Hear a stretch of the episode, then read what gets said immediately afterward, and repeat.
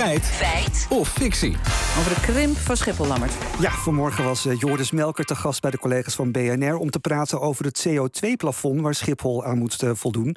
En toen het erover ging dat Schiphol van de Nederlandse overheid... ook nog moet krimpen, zei Joris iets opvallends. Ja, ja goed, het is een, een, echt dan een beetje een, een lijngang. Maar ja. dat doen we sowieso natuurlijk. Want Zeker. het feit dat Schiphol moet gaan krimpen... is internationaal gezien natuurlijk ook heel erg nieuw. Uh, ja. En dan moet natuurlijk maar gaan blijken of het allemaal juridisch houdbaar is. Zeker. Ik ga ervan uit dat de minister zijn huiswerk gedaan heeft... maar dat zal wel blijken de komende jaren. Een dus kijkend naar de rest van de wereld... moet alleen Schiphol blijkbaar krimpen. En wij checken of dat klopt. Ja, op zoek naar het antwoord belden we allereerst met Willem Smit. Hij is zelf piloot en voorzitter van de Nederlandse, of Vereniging Nederlandse Verkeersvliegers.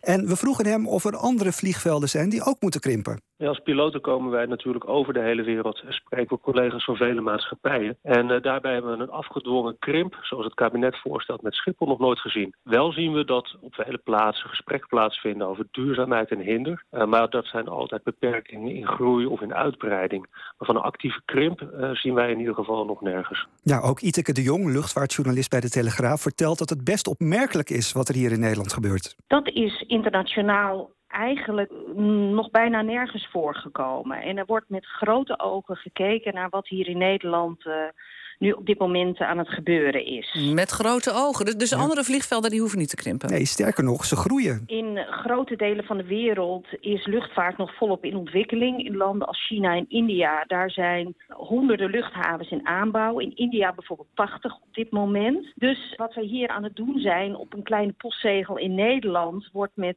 uh, een beetje verbazing wordt er eigenlijk naar gekeken ook omdat onze bevolking groeit als kool. Dus de behoefte aan mobiliteit en aan luchtvaart neemt toe. En de internationale brancheorganisatie van de luchtvaart, die IATA, verwacht in 2040 7,8 miljard vliegtuigpassagiers.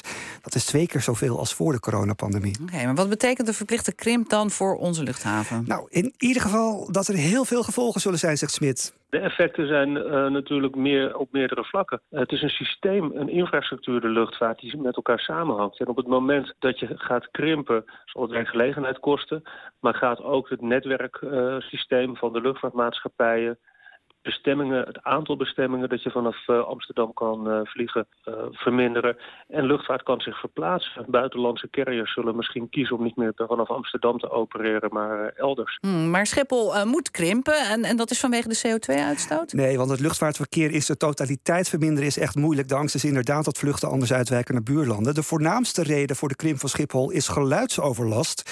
Maar de Jong legt uit dat het inmiddels bijna lijkt alsof de krimp niet langer een middel is tegen die overlast, maar eerder een einddoel. KLM zegt bijvoorbeeld van, nou, het is helemaal niet nodig om terug te gaan in het aantal starts en landingen, want wij hebben een stillere vloot en met minder uitstoot.